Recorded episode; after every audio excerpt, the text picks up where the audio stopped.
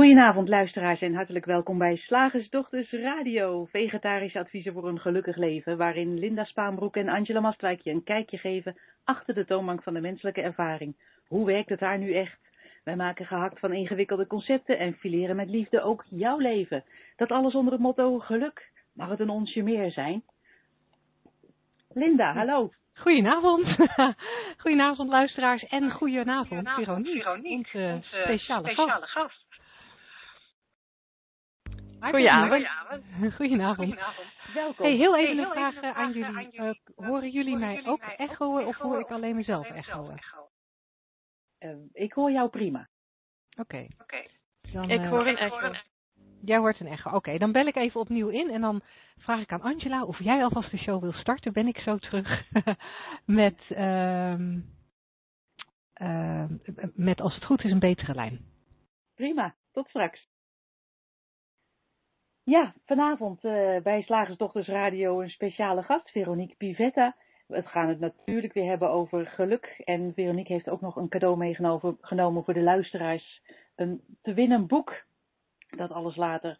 Ja, geluk gaan we het over hebben, Veronique. Uh, jij hebt het, uh, een boek vertaald en uitgegeven wat in de drie principes een, een soort standaardwerk is. geschreven door Jack Pransky. Uh, kun je daar iets uh, meer over vertellen? Ja, um, het is een boek dat ik zelf ontdekt heb uh, heel in het begin, als ik net over de drie principes hoorde. Um, en de titel is Iemand had het ons moeten zeggen, eenvoudige waarheden om goed te leven. En het is echt een, een soort basiswerk dat je echt ja, een hele mooie uh, introductie heeft van wat de drie principes precies zijn. Um, en het leuke aan het boek is dat er heel veel voorbeelden uh, in staan van echte mensen uh, die hun eigen verhaal vertellen met hun eigen woorden. En ook voor, heel veel gesprekken tussen Jack en klanten van hem. Zodanig dat je ziet hoe iemand dankzij bepaalde inzichten echt een heel ander leven kan krijgen. Ja, dat is, dat is hartstikke mooi. En uh, inderdaad, daar gaat het ook om. Hè? Het, uh, het inzicht. Het onderwerp van vanavond, de daghap, is wat is nodig om gelukkig te zijn. En, en ik ben uh, er inmiddels weer. En ik ben er inmiddels Linda is er, daar ben ik erg gelukkig mee. en nu lijkt het alsof ik gelukkig ben omdat Linda er is, maar dat is natuurlijk niet zo, Linda. Nee, absoluut niet. ik, ben dan, ik wil bijna zeggen, van mij wordt helemaal niemand gelukkig. Uh, maar dat, dat klinkt heel dramatisch, maar dat heeft natuurlijk veel meer te maken met, uh, ja, met het onderwerp van vanavond dan dat wij echt zo uh, negatief of zo dramatisch over elkaar zijn. Voordat we daar induiken wilde ik graag nog heel even onze luisteraars attenderen op het feit dat we heel Um, dat we je heel graag willen uitnodigen om je vragen aan ons te stellen. Um, vragen over het onderwerp van vanavond, vragen over het onderwerp van een van de eerdere uitzendingen. Of gewoon iets wat jou op dit moment um, in de weg staat om uh, zo gelukkig te zijn als je graag zou willen. Je kunt die vraag uh, aan ons intoetsen in het toetsenbordje of in het, uh, in het schermpje dat je op de pagina ziet waar je nu ook naar ons luistert. En voor iedereen, nee, dat. En als je het fijn vindt om ook live met ons daarover te spreken, geef dan ook je telefoonnummer erbij. Dan bellen we je en dan halen we je als het ware in de uitzending. Uh, en voor iedereen die live op de radio is, um, ik, ik, neem aan dat jullie het daar nog niet over gehad hebben, dames, maar heeft Veronique straks een cadeau, maar dat houden we nog even geheim. um, ik ik ja, zou ik zou het zelf heel leuk vinden als we eerst even zouden kunnen praten over wat maakt nou gelukkig. Om dan uh, na de daghap uh, uitgebreid tijd te nemen voor, uh, ja, om wat dieper in te gaan op het boek dat Veronique heeft laten of heeft vertaald vanuit haar uitgeverij. Is dat een goed idee? Ja, wat mij betreft is dat een, is dat een prima idee. Oké. Okay. Vero, ja, Veronique? Ja, perfect dan spreken we jou iets later. Blijf vooral hangen. Uh, ja, ja en, en, en, en, breng ook vooral iets in als je iets in te brengen hebt. Hè? Dat uh, is helemaal Super. goed. Dan hebben wij vandaag gewoon een extra slagersdochter. We hebben een winkelmeisje vandaag, Angela. Een winkelmeisje, nou helemaal leuk. Alle hulp is welkom. Uh, ja, geluk, waar komt het vandaan? En dat is, uh, als je alle reclames uh, bekijkt waarmee wij dagelijks bestookt worden, dan lijkt het alsof geluk zit in een nieuw mobieltje, in even weg uit je 9 tot 5 baan. Geluk zit in een, in een nieuwe partner. Geluk zit in um, een nieuwe auto. Geluk zit in misschien wel het, leven van, het, het lezen van een nieuw boek over geluk. Het lijkt alsof er iets buiten ons is wat ons zal completeren, wat ons gelukkig zal maken. Maar daar denken wij iets anders over, of niet, Linda? Ja, ja precies. Um, waar wij natuurlijk, wat, mij, wat wij meer en meer en meer gaan zien, in ieder geval als ik voor mezelf spreek, jij, jij, ziet, jij ziet misschien bijna alles al, maar ik ga het voor mezelf steeds meer en meer zien, um, dat we gewend zijn, dat we opgeleid worden um, van, vanuit onze vroegste jeugd, om ervan uit te gaan dat er iets buiten ons is, dat voor dat geluk gaat zorgen. En ja, op het risico af dat ik in herhalingen val ten opzichte van wat jij zei. We zijn ook, je kijkt, je kijkt op, op, op tv of op, op, in films. En wat zie je daar? Mensen worden gelukkig omdat ze een hele fijne relatie hebben. Mensen worden gelukkig omdat ze een groot huis hebben. Uh, mensen worden gelukkig van hun kinderen, denken ze. Um, en, en, en dat is ook wat ons verteld wordt. En um, wat wij meer en meer zien, is dat dat, um, zoals het in het Engels genoemd wordt, en ik ben heel benieuwd of Veronique uh, bij de vertaling van haar boek daar een, uh, een, mooie Nederlandse vertaling voor heeft weten te vinden. Maar in het Engels wordt er altijd gesproken over, dan beleef je de wereld outside in. Je beleeft de wereld van buiten naar binnen. Hoe heb jij het vertaald, Veronique? Wel, in het boek uh, gaat het vooral om uh, inside out, dus van binnen naar buiten. Ja. Um, maar ja, ik, ik ik vertaal het inderdaad heel eenvoudig door van binnen naar buiten. Onze ervaring wordt gecreëerd van binnen naar buiten. Ja, ja en daarmee, en daarmee neem je eigenlijk gelijk even een voorsprongetje op, uh, uh, nou ja, op, op wat ik net wilde gaan zeggen. We denken dat ons leven van buiten naar binnen gecreëerd wordt. Dat het outside in is. Dat de dingen buiten ons zorgen voor stress. Of de dingen buiten ons zorgen voor het feit dat we ons fijn voelen er zijn best wel veel momenten waarop je dat ook een soort van bevestigd krijgt. Ik was van het weekend in Edinburgh en uh, um, ging daar op een gegeven moment op, met, met, met de vriendin waar ik logeerde op zoek naar een, uh, een handtasje. En behalve het handtasje vond ik ook een paarse portemonnee. En ik ben dol op paars en deze was ook nog echt heel mooi. Nou, dan krijg je echt zo'n gevoel. Op dat moment denk je, ik word echt gelukkig van deze portemonnee. het leven is inderdaad van buiten naar binnen. Ja, ja, het mm. probleem is alleen met, uh, met van buiten naar binnen dat het nooit uh, lang duurt. Ik maak dan zelf altijd het onderscheid, maar misschien heb jij daar andere terminologie voor. Van dat is het verschil tussen blijdschap in het moment en mm-hmm. innerlijke vreugde. Mm. Geluk. Ja, en dat is een hele mooie. Want het is natuurlijk inderdaad zo dat die portemonnee, die geeft mij die geeft mij geen innerlijke vreugde. Die geeft mij niet een hogere kwaliteit van leven. In het moment is het hartstikke leuk. Zoals het ook in het moment super heerlijk kan zijn om een lekker kopje thee te drinken, zoals ik nu in mijn handen heb. En het kan super geweldig zijn om een fijn gesprek te hebben, zoals wij nu met z'n drie hebben. Maar dat is inderdaad in het moment en het is niet iets wat bijdraagt aan, aan uh, mijn, mijn langdurige welzijn. Maar toch denken we dat vaak wel. En denken we ook vaak dat als we ons minder fijn voelen, dat die stress ook van buiten komt. dat, dat als je, um, dat het logisch is dat als je um, op de beurs wordt, werkt, op de financiële beurs, dat het logisch is dat je dan gestrest bent. Omdat dat een omgeving is waar blijkbaar veel stress heerst. En als je op het strand bent, dat je dan uh, in een omgeving bent waar weinig stress heerst. Dus dat je dan automatisch rustiger wordt. En als je er heel goed naar kijkt, dan kun je bij jezelf herkennen dat dat soms zo is, maar ook heel vaak niet. Dat je soms op het strand kan lopen als dat een plek is waar je normaal gesproken tot rust komt. En het gaat maar door in je hoofd, het gaat maar door in je hoofd, het gaat maar door in je hoofd. En je bent helemaal niet rustig. Je loopt nog steeds na te denken over hoe vervelend het was op je werk. Of hoe slecht het met je relatie gaat. Of hoe moeilijk je kinderen het hebben. Of hoe moeilijk je ouders het hebben. Of wat het dan ook is waar jij je op dat moment ongerust over maakt. Dus dan, dan, dan, dan lijkt het alsof er op bepaalde plekken meer stress is. Maar op dat strand kun je net zo goed stress bij jezelf creëren. En, daar, en, en dat zijn hele kleine aanwijzingen dat geluk niet, of dat, dat, ja, dat geluk niet van buiten komt. Dat we het niet creëren van buiten naar binnen, maar juist van binnen naar buiten. Ja, we hebben allemaal wel, uh, kennen we de, de uitdrukking, uh, geld maakt niet gelukkig. En het lijkt dan ook alsof we dat met z'n allen al doorhebben, omdat we deze uitdrukking uh, gebruiken. Maar, maar, toch is er in het, zie ik in het dagelijks leven nog vaak dat dat misschien als, als concept wel aangenomen wordt, maar niet echt geleefd wordt. Nee. Omdat we toch blijven streven naar iets buiten ons, om die innerlijke rust te bereiken, terwijl die er toch echt is. Van binnen, altijd al. Ja, en dan, en dan komen we natuurlijk op het punt van, ja, wat, wat maakt nou gelukkig?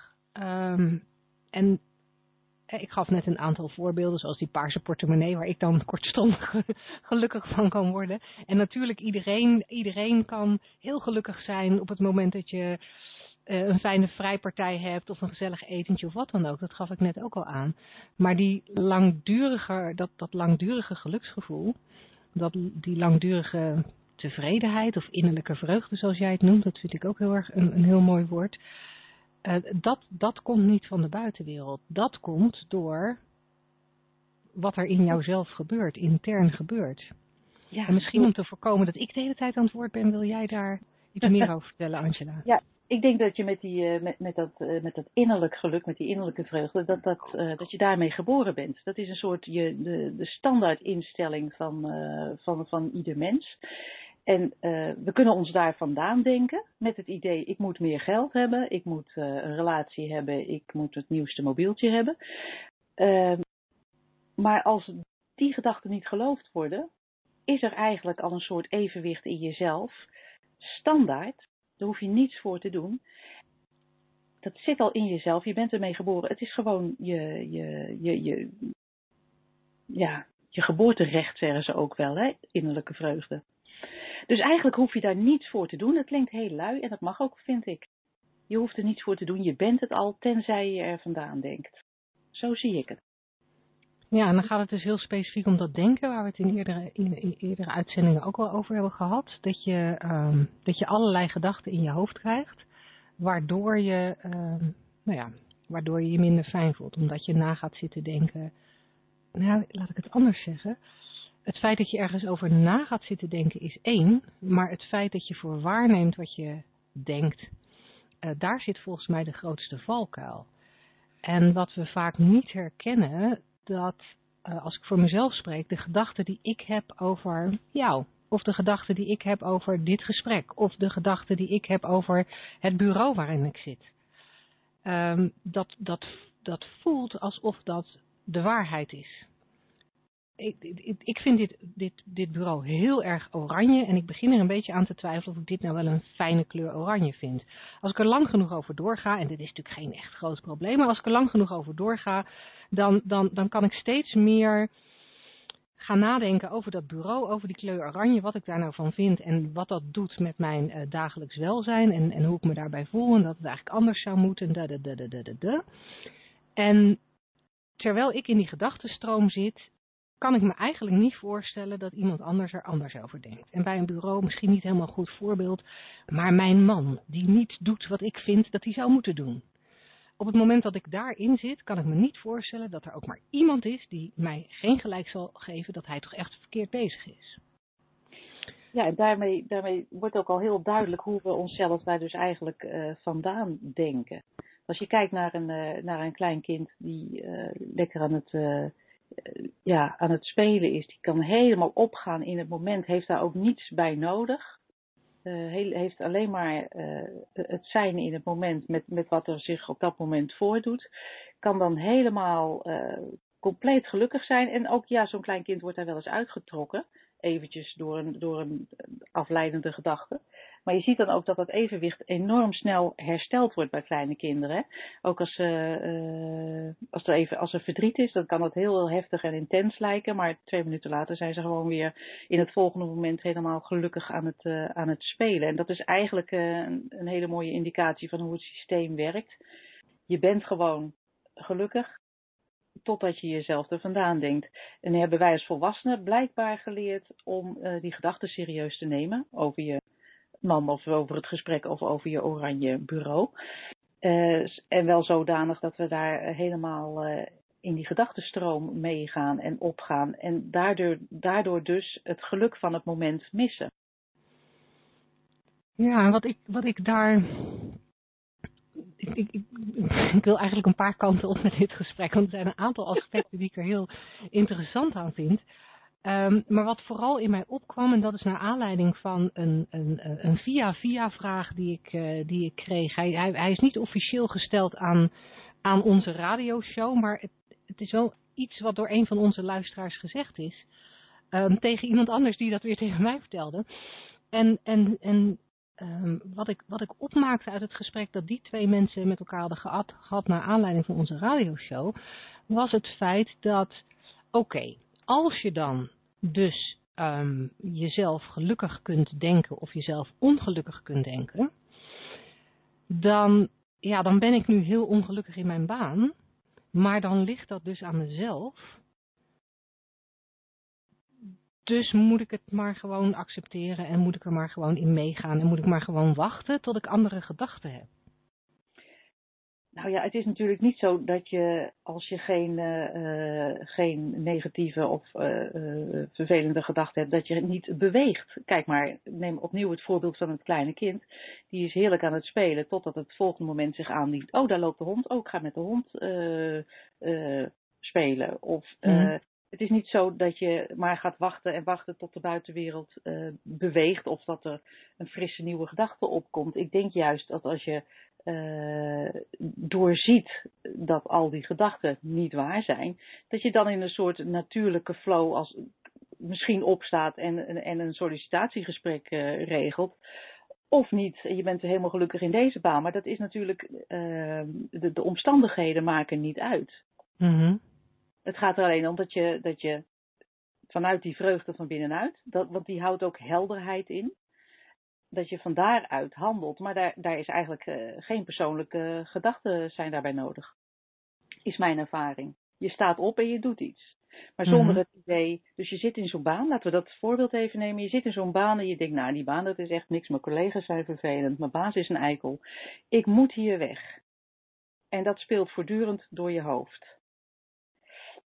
Dat is een heel onprettige situatie als je doorziet dat al die gedachten over de baas, over je collega's en over de werkzaamheden niet waar zijn, kan het alsnog zo zijn dat je in de, uh, in de vreugde en in de helderheid die dan is, hè, zonder -hmm. de, de geloofde gedachten, dat je opstaat en, uh, en vertrekt. Het zegt niets over wat je moet doen.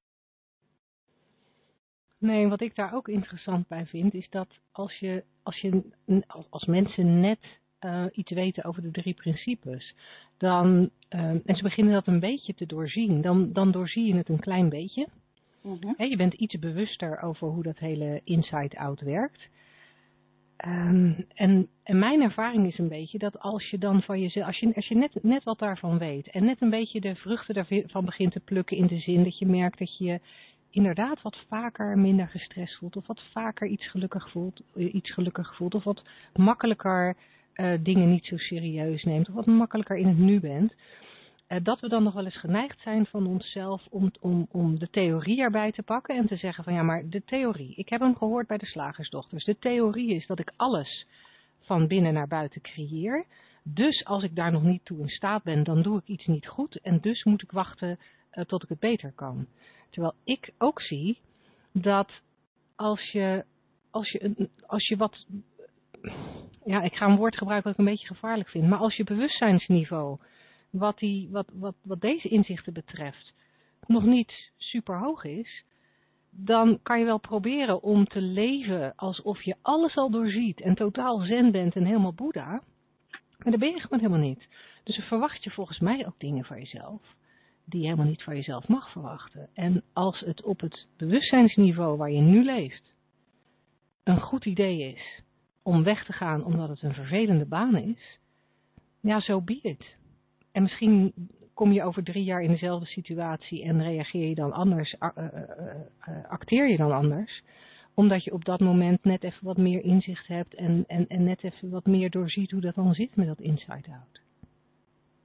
Ja, precies. Maar ik denk, in welke situatie je dan ook zit met een baan of wat dan ook, als je weet dat je dus de, de, jouw ervaring van de situatie zelf creëert, komt er automatisch al een, een, een, een eigenlijk een, een, een, een meer heldere blik op de zaak. En ja, dan misschien vind je het dan ineens wel een fantastische baan. Zou kunnen. Omdat je ineens heel anders gaat kijken. En het kan nog steeds zijn dat je opstaat. Maar ja, dus het is, uh, het, kan, het is geen uh, inzicht in de drie principes, geeft geen uh, gebruiksaanwijzing verder voor hoe te handelen. Dat weet je namelijk zelf met het inzicht. Ja. Dat is juist ook het mooie, want je, je natuurlijke wijsheid komt dan ook, voert dan vaker de boventoon in plaats van je persoonlijke gedachten. Ja, ja mooi. Ik denk dat het tijd is voor uh, ons uh, volgende onderwerp. Volgens mij is het En dat is normaal gesproken de wetenschap. Ja. en nu is het Veronique. Hartstikke leuk. Dus uh, we gaan het hebben over wat jij afgelopen jaar hebt gepubliceerd, Veronique. Deze zomer, in juli.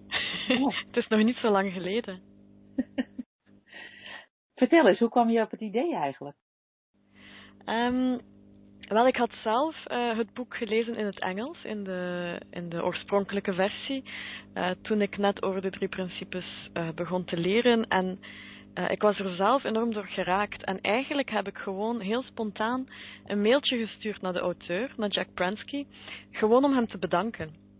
Ik, ik heb hem gewoon letterlijk bedankt om het boek te schrijven, omdat het mij, ja, omdat het zo'n verschil had gemaakt in mijn leven. En tot mijn grote verbazing heeft hij geantwoord. en, uh, en hij heeft me eigenlijk vrij snel uh, gevraagd of ik iemand kende die het boek kon vertalen naar het Frans. Kon vertalen naar het Frans. En ik heb er een halve seconde over nagedacht en ik dacht, nou ja, ik kan dat. en in mijn groot enthousiasme heb ik dan ook direct voorgesteld om het ook in het Nederlands te vertalen. En dat is dan ook gewoon gebeurd. Het heeft wel uh, een tijdje geduurd, want het oorspronkelijke idee is, goh, is, is wel twee jaar geleden uh, gelanceerd, denk ik. En dan heeft het een, een beetje tijd gevergd om het, uh, om het te vertalen, om het te verteren, om het te herlezen en om het allemaal, ja, om het allemaal vorm te geven. Ja, Veronique, want uh, voordat je dit idee kreeg en uitvoerde en ook volgens mij tijdens de vertaling en nu nog steeds, mm -hmm. wat doe jij in het dagelijks leven? ik ben coach, drie principes coach. Hebben we door elkaar gesproken? nee hoor, nee. Ah. Maar, ik vraag me af of Angela ineens van de, van de lijn Nee, nee, ik ben er nog steeds, maar ik, ik had het vermoeden dat, dat Linda de volgende vraag wilde stellen. Ah. nou, ik, je, hebt, je hebt daarnet bij de introductie, uh, waar, ik, waar ik natuurlijk een, een, een, stukje niet van heb gehoord, omdat ik opnieuw moest inbellen, um, heb je iets, uh, um, iets verteld over het boek. Um, zou je misschien iets, iets meer kunnen vertellen, in de zin van is er, is er één specifiek inzicht waarvan jij zegt, god, dat, dat, dat was wat mij op dat moment het meeste raakte? Of was er misschien een voorbeeld wat jou heel erg raakte? Um, ja, het hele boek vond ik. Het, hele boek blijft me verrassen eigenlijk. Want uh, telkens als ik het boek herlees, zie ik zelf iets nieuws hoewel ik het zelf vertaald heb. Dus het is heel bizar. um, maar voor mij blijft het, het, het grootste inzicht van, uh, van het boek, maar ook gewoon van, van de drie principes, blijft gewoon van je hele ervaring wordt binnen in jezelf gecreëerd door de drie principes. En dus niet alleen door gedachten, maar door de drie principes. Dus het is een, een gedachte komt in je op, komt tot leven via bewustzijn. Daardoor, lijkt die gedachte heel echt, want je voelt ze en je, je, krijgt, ja, je krijgt een heel levendige ervaring van die gedachte. Maar het derde principe van, van geest, dus de, die universele energie, heeft daar ook iets mee te maken. Want het feit dat die gedachten zomaar in ons opkomen, dat, dat komt eigenlijk van die energie van het leven. Dat is, dat, het, een gedachte komt van een, ja, een oneindige creatieve bron. uh, die niet van ons is, maar waar wij deel van uitmaken. En, en eigenlijk is dat een, ja, dat, dat inzicht kan tot in het oneindige blijven ontwikkelen. En, en je kan hetzelfde inzicht duizenden keren hebben, want het is, um, het is groter dan je ooit kan vatten. Um, en een metafoor die ik heel mooi vond in het, uh, in het boek van Jack, is een metafoor van een, uh, een meer.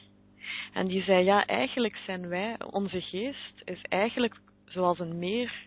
Van nature is de, de, de basistoestand of de, de, ja, de, de diepere natuur van een meer is, is om gewoon vlak te zijn. Maar wat er gebeurt is dat er soms wind opkomt. En die wind die, veroorzaakt golven op het oppervlak van het meer. En wij zien die golven. Um, en dat is eigenlijk net zoals voor onze geest. Dus die gedachten komen in ons op en, en veroorzaken die golven. Dus dat zijn onze emoties, onze gevoelens, wat wij ervaren. En wij zien natuurlijk enkel die golven. Dus wij zien onze gevoelens, wij zien wat wij, wij zien onze percepties. Maar die wind die is onzichtbaar. Dus die gedachten die die golven eigenlijk veroorzaakt hebben, die zijn onzichtbaar voor ons. Wij weten vaak niet wat we gedacht hebben, waardoor uh, een bepaalde emotie opkomt of zo. Wij, zien, wij voelen alleen ineens die, die emotie opkomen. Ja, mooi. dat is een, een hele mooie, mooie metafoor. Ja, ja, ja, zeker. Ja, dat is inderdaad een hele, een hele goede wat je daar uh, vertelt, Veronique. Want vaak uh, is het inderdaad niet duidelijk van welke gedachte nou uh, vooraf gaat aan, het, aan, het, uh, gevoel, aan bijvoorbeeld het idee dat je, af het gevoel dat je je niet prettig voelt in je baan. Mm -hmm. dat is vaak, denken mensen, nou ja, maar ik heb, ik heb daar niet bewust over nagedacht. En dat klopt, die, die gedachte hoeft ook niet altijd duidelijk een zin in je hoofd te zijn. Mm -hmm.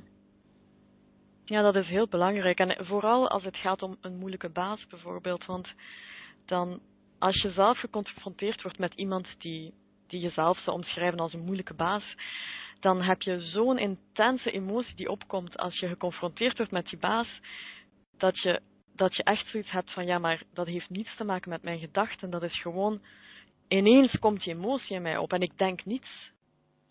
En die, die, die gedachte is gewoon onzichtbaar voor ons. Ja, dat is een, dat is een, uh, dat is een hele, hele mooie. En uh, stel nu die situatie die wij uh, zojuist uh, schetsten, Veronique. Mm -hmm. met, met, met alles wat, je, wat jij. Wat, hoe, zou jij dat, hoe zou jij dat zien? De situatie met de, de vervelende baan. Wel, ik denk, ik denk dat, dat er iets heel belangrijks is um, in deze discussie. En als je, als je het niet erg vindt, ga ik die baan eens vergelijken met die uh, paarse portemonnee. Ja. Um, want dat vond ik eigenlijk ook wel een hele goeie. Want um, het, is, het is verleidelijk om te denken van um, die, die, die blijheid van om die paarse portemonnee, dat is, dat is als iets eh, externs dat ons blij maakt. Maar onze innerlijke vreugde is iets, is iets interns. Eh. Maar het is wel zo dat zelfs die blijheid in het moment van binnen in ons gecreëerd wordt. Evenzeer als die innerlijke vreugde. Um, wij kunnen een gevoel pas ervaren als, als er uh, via de, de kracht van gedachte en bewustzijn iets gecreëerd is in ons. En net zoals jij blij wordt van die paarse portemonnee, omdat jij bepaalde gedachten hebt van, oh, paars is leuk en die portemonnee is een fantastisch model. En net zo, handig. net zo kan ik naar die portemonnee kijken en denken, paars is een stomme kleur en wat een onhandig formaat en kijk naar die prijs. En dan voel ik mij helemaal depressief, weet je. En ik zit naar diezelfde portemonnee te kijken. Dus het is, en, en dat, daarom wil ik de parallel trekken naar die, naar die vervelende baan, want die vervelende baan voor die ene persoon is misschien de droombaan voor iemand anders. En, en dat is wat we bedoelen met onze ervaring wordt van binnen in ons gecreëerd. Het is, wij ervaren dingen gewoon zoals wij die zien. Iemand anders zou die misschien anders zien als hij daar anders over denkt. Maar daar stopt de uitleg van de drie principes. Ja. Daar stopt het. Er is geen vervolg van. En daarom moet je van job veranderen. Of en daarom moet je blijven. Of en daarom moet je wachten op een nieuwe gedachte. De, de, de uitleg van de drie principes stopt bij. Jij vindt deze baan vervelend omdat jij uh, daar zo over denkt. Jij hebt bepaalde gedachten over die baan en die geven jou een onaangenaam gevoel. En daar stopt de uitleg van de drie principes. Ja, en het mooie daarvan vind ik zelf dat het dus dat, dat, dat die drie principes daardoor heel veel vrijheid geven. Ja. En tegelijkertijd, als je meer gaat zien hoe waar het is, mhm. um, heeft het mij in elk geval ook heel veel rust en levensvreugde gegeven, omdat er ongemerkt toch iets verandert. Dat, mhm. dat, dat vind ik dan tegelijkertijd wel een beetje de, de paradox hier. Hè? Dat de drie principes gaan niet verder dan dit is de uitleg. En vervolgens weten wij alle drie dat er puur door die uitleg te snappen mhm. en te zien, te zien dat die werkt in ons leven, zijn er dingen voor ons veranderd. Ik denk dat het, het missende puzzelstukje is, um, is dat het natuurlijk gaat om, om de diepere natuur van die principes te begrijpen. In die zin dat als je begrijpt dat um, gedachten als principe, als kracht in jouw leven, als je, als je beseft dat gedachte van nature veranderlijk is. En als je beseft dat gedachte sowieso komt en gaat en dat gedachten sowieso constant door jou stromen en constant zullen veranderen, dan krijg je sowieso een lichter gevoel in je leven.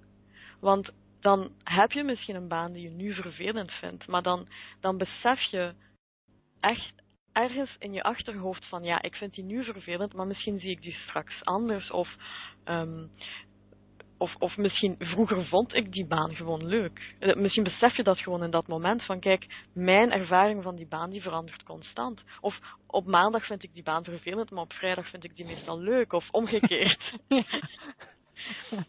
En, en, dan besef je het veranderlijke karakter van gedachten en daardoor het veranderlijke karakter van je ervaring.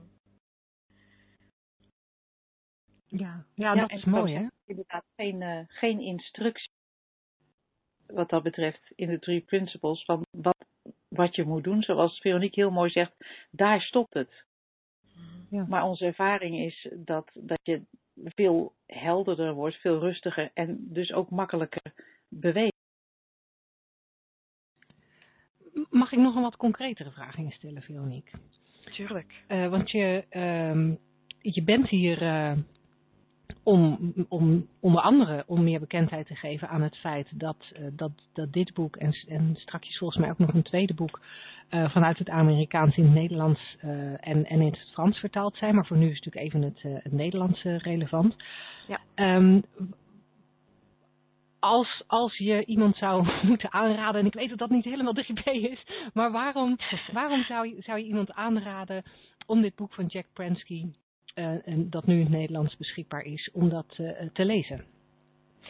Um, wel, ik zou, ik zou sowieso zeggen van, um, als je snapt hoe iets werkt, dan, um, dan, dan is het veel gemakkelijker om met dat ding om te gaan, wat het ook is. En, en ik heb gemerkt in mijn leven, maar ook in het leven van heel veel mensen die ik ontmoet heb, dat mensen op een bepaald moment met de vraag zitten van ja, maar hoe werkt dit ding, het leven nu? Hoe werkt dit? Want um, iedereen heeft me altijd verteld dat als ik de juiste, het juiste diploma, de juiste job, het juiste huis en de juiste partner had, dat ik dan super gelukkig zou zijn. En ik mm -hmm. heb die dingen allemaal en ik ben niet gelukkig. En dan, dan komt automatisch de vraag van, ja, hoe werkt het dan wel? Het werkt duidelijk niet zoals mensen beweren dat het werkt, ja. maar ik weet niet hoe het wel werkt. Maar ik wil wel gelukkig zijn. Ja. En, en dit boek geeft daar een antwoord op. En, en daarom de titel, ja, iemand had het ons moeten zeggen. Omdat het echt zoiets is van, ja, dit is toch een basis, um, ja, een basisvraag van, ja, hoe werkt het leven? En iedereen wil daar een antwoord op.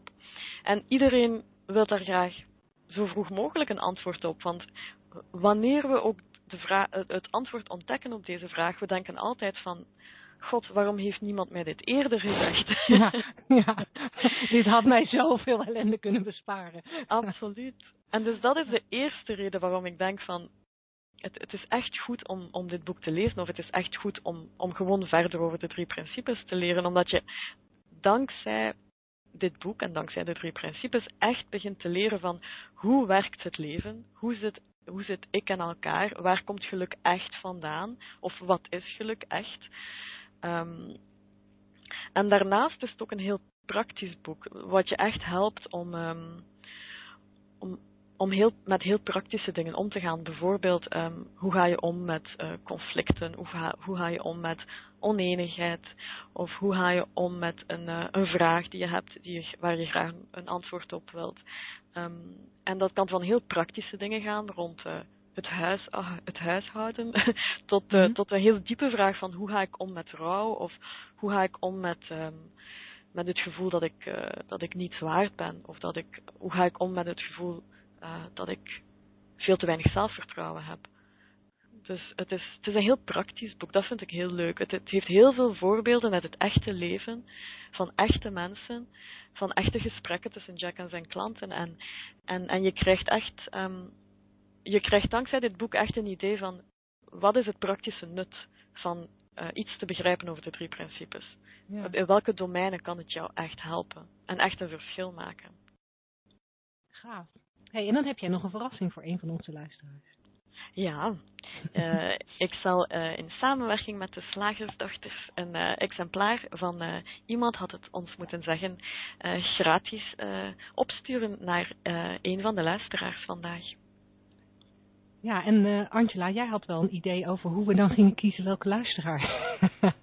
ja, het leek mij nou zo, het leek mij nou zo leuk om, om te weten te komen van waarom de luisteraar zo graag dit boek zou willen hebben. Dus en, dan, en dan gunnen wij het boek aan degene met de mooiste reden of degene die als eerste zijn reden heeft. Wat jij wil, Linda. oh, no. Nou, dan zou ik zeggen, degene die als eerste zijn reden...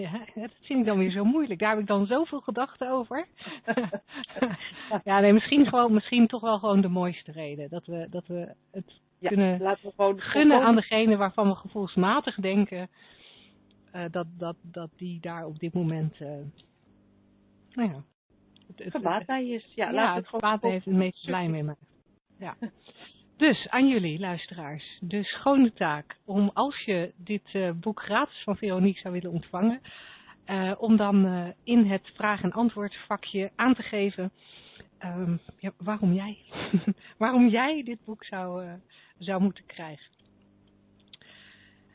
Um, dat, dat, dat, dat, dat laten we even bij. Daar komen we over een ongeveer een kwartiertje weer op terug. Uh, het lijkt mij op dit moment een goed moment om over te gaan naar de vragen. En uh, we hebben drie vragen binnengekregen. En uh, Angela, ik heb ze even aan jou gemaild, zodat jij, of niet aan je gemaild, aan je gechat in de oh, Skype-chatbox. Ja, zo ik een ander venster. Oh jee. ik weet niet precies wat dat is. even kijken. die moet ik voorlezen of... ehm, nou, misschien dat jij uh, zou willen kijken welke van die drie vragen op dit moment het beste aansluit bij waar we... Oké, okay. ik, uh, ik kan even technisch gezien niet zien, um, ik heb ze wel voorbij zien flitsen. Maar ik zie niet in welk venster ik ze nu, uh, even kijken. Um, ze zijn voor mij op dit moment niet zichtbaar, Linda. Oké, okay, prima. Nou, dan, dan uh, zijn vragen van Marjan en van Paul. En Paul heeft twee vragen, waarvan er één meer een statement is. Waar wij alleen maar ja of nee op hoeven te zeggen. Dus ik kan me voorstellen dat uh, die voor dit moment uh, even kan blijven liggen. Um, de andere vraag van Paul is, gaat het vooral om te herkennen en erkennen wie degene is achter degene die waarneemt, dan wel denkt dat hij denkt dat hij denkt? Nou dames, dat, dat, uh, dit is een, dit is een vraag die eigenlijk veel voorkomt. Van, uh, want de, wij hebben de neiging in de, in de gemeenschap van de drie principes om het heel erg te hebben over gedachten en bewustzijn en uh, onze ervaring in het moment en um, over ja, de, wat er gebeurt als je iets ervaart. En ehm, ik heb zelf al vaak de vraag gekregen van gaat het er hem niet om om juist achter die gedachten te gaan staan en die gewoon te observeren en gewoon te zien dat ze komen en gaan uh, en daar verder niets mee te doen. Um, maar hier heb ik misschien een, een persoonlijke uh, insteek. Ik denk dat het een van de mooiste geschenken die ik gekregen heb van de drie principes is van ook te zien dat ik wel vrije wil heb en dat ik wel uh, mee kan sturen aan welke gedachten ik energie geef en aan welke niet. Um, en ik vind dat wel een heel fijn iets. En ik gebruik die vrije wil ook heel graag. Um, en dus ik denk dat ik misschien meer speel in het domein van um, in die, in die gedachtensoep te spelen en daar aandacht te geven of geen aandacht aan te geven, maar dat ik mij niet zoveel bezighoud met um, afstand te nemen en vanuit afstand te kijken naar die gedachten. Dus ik, ik, spring liever in die gedachten eigenlijk. Dat is gewoon mijn persoonlijke voorkeur. Ja, we hebben het hier uh, vorige keer ook al heel even over gehad. Of misschien was het een keer daarvoor, uh, toen we het hadden over uh, als je erg veel last hebt van voortdurende gedachten die zich herhalen, het voortdurend herkauwen. En toen zei van ja, je kan inderdaad even je terug laten vallen en kijken van hé, hey, waar komt dat vandaan? En dan gaan we het eigenlijk hebben over ja, het, het vormloze. Hè? Wat, wat is er voor die vorm? van de, van de, van de gedachte. En um, ja, ik kan me voorstellen dat dat, dat, dat soms uh, heel, heel fijn kan zijn om, om, om je daarin terug te laten vallen en, te, en, en die gedachten die opkomen en gaan uh, te waarnemen. En, dan, en aan de andere kant begrijp ik ook wat Veronique zegt. Je bent als mens in de vorm. Met de wetenschap dat, je, dat alles zijn basis vindt in dat vormloze, ben je als mens wel in de vorm en kun je in die vorm, dus ook met die gedachten, gaan spelen. En dan is het gewoon heel fijn om uh, uh, te, te, spelen met, met uh, de gedachten die, die fijn voelen, die in jou, die jouw bewustzijn zodanig tot leven brengt dat ze je een prettig gevoel geven. En degene die wat minder fijn aanvoelen, om daar inderdaad geen, geen leven in te blazen. Dus het heeft, het heeft twee kanten. We hebben het hier over het vormloze. Het, wat gebeurt er, wat is er voor die gedachten uh, vorm krijgen in het bewustzijn, voordat die gedachten überhaupt opkomen. Want een gedachte is al een, is al een, een vorm, tenminste zo zie ik het. Uh, en, en, en, en het spelen in de vorm. Dus het kan, het kan misschien uh, nuttig zijn om af en toe een stapje om het te kijken waar komt het vandaan, naar het vormloze. Maar als mens zit je nu helemaal in die vorm en kan je lekker spelen. Dus twee kanten. Ja, en ik, ik, um, ik zit nu een beetje glimlachend naar jullie antwoorden uh, te luisteren. Ik vind het hele mooie antwoorden. Uh, en het is voor mij ook een prachtig voorbeeld hoe, hoe, hoe we allemaal, als we bepaalde woorden horen, daar een ander beeld bij krijgen en, en dus ook een ander antwoord formuleren. Want jullie hebben voor mij twee vrij, um, in mijn oren, in mijn gedachten, twee vrij diverse antwoorden gegeven. En, en ik had de vraag, ik had niet eens de, herkend in de vraag wat jullie in de um, vraag hebben herkend. En, en ja, ik, noem het, ik benoem het even zo heel specifiek, omdat nogmaals dat in mijn ogen een heel mooi voorbeeld is, dat ik deze vraag lees, en, en, en denk. En dus mijn eigen gedachten heb die anders zijn dan die, dan van jullie. En ik denk dat iemand denkt, dat hij denkt, dat hij denkt. En dan, en dan, en dan denk ik, oh maar dat is veel te veel construct. Het heeft helemaal geen zin om daarover na te denken. Dan moet je je niet eens aan wagen. Want dan begin je, dan ga je in een of andere, dan ga je in een of andere esoterische brei roeren waar we toch niet bij kunnen. Um, dus ik ben blij dat jullie een veel afgewogener antwoord hebben kunnen geven dan ik. En, ja, en ook daar zie je weer aan dat, de, dat, dat um, ja, in mijn ogen dat we, dat we allemaal heel anders reageren en heel anders denken over uh, wat schijnbaar dezelfde woorden zijn. Gaaf. Ja, mooi. Hè? Uh, ja. Ik um, zou graag ook de vraag van Marjan aan de orde willen stellen. Die is heel specifiek aan ons uh, allemaal uh, gesteld. Um, maar dan moet ik wel heel even door, want er mensen die gereageerd hebben. Um, Marjan zegt, beste Linda, Angela en Veronique. Hebben jullie nog wijze woorden over de worsteling die ik zie bij niet-neurotypische kinderen? Die tussen aanhalingstekens of tussen haakjes grote psychische problemen hebben. Met name in het licht van DSM-termen als ADHD, PDD-NOS, Asperger. Inside-out leven bij het eigen geluk en, en de innerlijke rust komen lukt hen moeilijk of niet? Um, ja, nou toevallig heb ik, uh, uh, zoals je weet, Linda tijdje geleden een weekje doorgebracht bij een uh, gezin waar een kind met autisme was. En ehm, ja, ik denk dat het heel erg fijn is om ehm, met inzicht in hoe het werkt met die drie principes om als begeleider van zo'n kind uh, dat inzicht te hebben.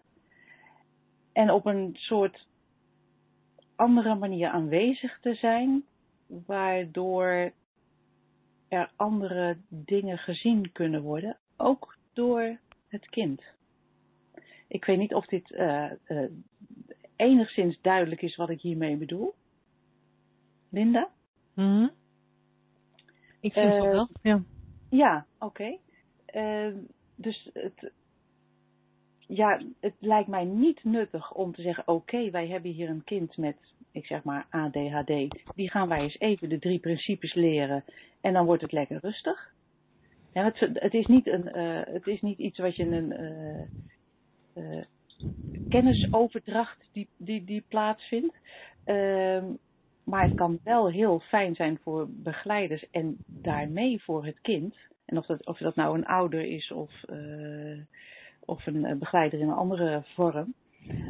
Om inzicht te hebben in hoe iedereen, ook een kind met een welk label dan ook, uh, zijn eigen uh, realiteit creëert. Zijn eigen ervaring van dit leven creëert. Dat geeft in de begeleiding al zoveel meer rust. En daarmee ook kan ook het kind zelf, uh, is mijn ervaring, inzicht uh, krijgen. Ja, en, en, inderdaad wat betreft dat inzicht, zou, daar zou ik graag iets aan willen toevoegen. En, en wat, wat me ook te binnen schiet terwijl je spreekt, is het feit dat Um, Marjan geeft aan van ja, voor die kinderen is het vaak moeilijk om bij hun innerlijke rust te komen. Uh, wat ik met name bij ADHD-kinderen zie, omdat ik er daar toevallig uh, veel van heb meegemaakt, ook in de tijd dat ik orthopedagoog was. ik meen te herkennen dat veel van die kinderen um, geen goed zelfbeeld hebben. En, en dat ze dan misschien niet bij hun innerlijke rust komen, dat is even één. Maar ik zie dat ze vaak zoveel gedachten hebben over dat ze niet goed genoeg zijn, dat ze slecht zijn, dat ze afwijken, dat ze da da da da da da. En die gedachten nemen ze heel erg serieus. En vaak, en, en, en dat wordt uh, natuurlijk heel regelmatig, in ieder geval dat is wat ik in mijn praktijk heb gezien, heel regelmatig ook uh, fix dat vuurtje wordt fix opgestookt door de omgeving, die ook vindt dat het kind niet voldoet aan de maatstaven en aan de mal waar die aan zou moeten voldoen. En ik zou me voor kunnen stellen dat als je een van die basale dingen uit de drie principes, namelijk dat je totaal oké bent zoals je bent, als je alleen dat al zou kunnen reflecteren aan zo'n kind of vanuit dat besef dat iemand van binnen echt helemaal heel is, dat er misschien gedrag omheen zit wat, wat, wat wij in onze maatschappij niet heel noemen. Als jij kan zien dat zo iemand van binnen echt helemaal heel is, uh, ben ik ervan overtuigd dat dat al heel veel verschil gaat maken uh, voor het kind in kwestie. En misschien ja. Veronique daar ook ervaring mee heeft? Ja, daar ben ik heel benieuwd naar. Ja, ik, uh, ik sluit mij volledig aan bij, bij wat jullie gezegd hebben. En ik zou, er, ik zou eraan willen toevoegen dat ik sinds ik iets van inzicht heb gekregen in de drie principes, uh, geloof ik eigenlijk niet meer in zware problemen. Het concept van er zijn problemen en er zijn zware problemen uh, bestaat niet meer voor mij, omdat ik besef dat we allemaal in hetzelfde schuitje zitten. En eigenlijk hebben we allemaal maar één probleem. of geen probleem, maar ik zal het houden bij één probleem. We hebben allemaal één probleem en dat is hetzelfde probleem. Dat is dat we onze gedachten veel te serieus nemen, dat we daar vaak onder lijden en dat we, dat we vaak helemaal worden meegevoerd door gedachtentreinen die ons, die ons um, meenemen naar plaatsen die niet zo prettig zijn. Dat is volgens mij het enige probleem van mensen. En, en ook van, van die kinderen. En ook van zwaar psychotische patiënten. En ook van mensen met een, um, die schizofreen zijn bijvoorbeeld. We, hebben alle, we zijn allemaal geconfronteerd met hetzelfde probleem. En dat is dat we, dat we niet ten volle beseffen hoe die drie principes onze ervaring creëren.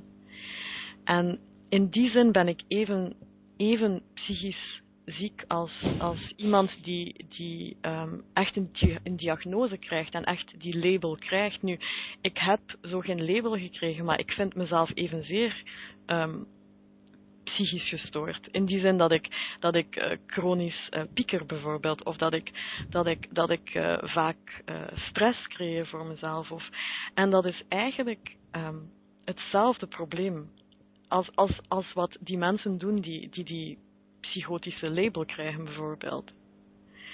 En dus ik denk dat het wel helpt om. Ik denk dat het veel doet voor mensen die wel zo'n label krijgen, om, om het gevoel te krijgen van men, mensen rondom hun van, weet je wat, we, we hebben eigenlijk allemaal met hetzelfde probleem te maken en we lijden er allemaal onder. En het is oké. Okay. We zijn oké. Okay. We zijn gewoon even uit het oog verloren hoe het hier allemaal echt werkt. Maar we zijn Omdat niemand ons dat verteld had. Ja, had iemand, had iemand het ons maar verteld. maar, maar dat is het echt. We zijn allemaal oké. Okay. We zijn allemaal oké, okay, ongeacht onze label, want ja, het, het is altijd maar een misverstand rond het gebruik van die drie principes. Meer dan dat kan het niet zijn. En dat is toch een heel geruststellende gedachte dat het leven zo simpel kan zijn. Ja. Ja, ideaal hè? Heel mooi. Ik denk dat wij, uh, we hebben nog uh, zes minuten zie ik ineens, tot mijn grote verrassing. Ja. Ik denk dat wij uh, moeten gaan kijken wie het boek thuis krijgt gestuurd. Ja, nou, ik heb, um, ik, ik, ik merk dat wij, wij hebben geen inhalige luisteraars. Uh, ik had verwacht, nou, er komen heel veel vragen, verzoeken binnen of mensen zeggen, ja, nee, ik wil hem wel, ik wil hem wel, ik wil hem wel. Um, dat is niet het geval. Er is maar een handjevol mensen die, uh, die het boek, uh, die, die, zeggen dat ze, dat ze nou ja, die hun naam hebben doorgegeven. En wat daarbij ook opvallend is, is dat er een heel aantal mensen zijn die het boek graag zouden willen om het te kunnen weggeven aan iemand anders. Dat vind ik onwijs lief. En dat waardeer ik heel erg. Maar heel eerlijk gezegd vind ik het wel heel erg leuk om het boek echt te gunnen aan een luisteraar die het heel graag voor zichzelf wil. Ik weet niet of dat een goede reden is, maar dat zou ik heel graag willen. Doen we dat?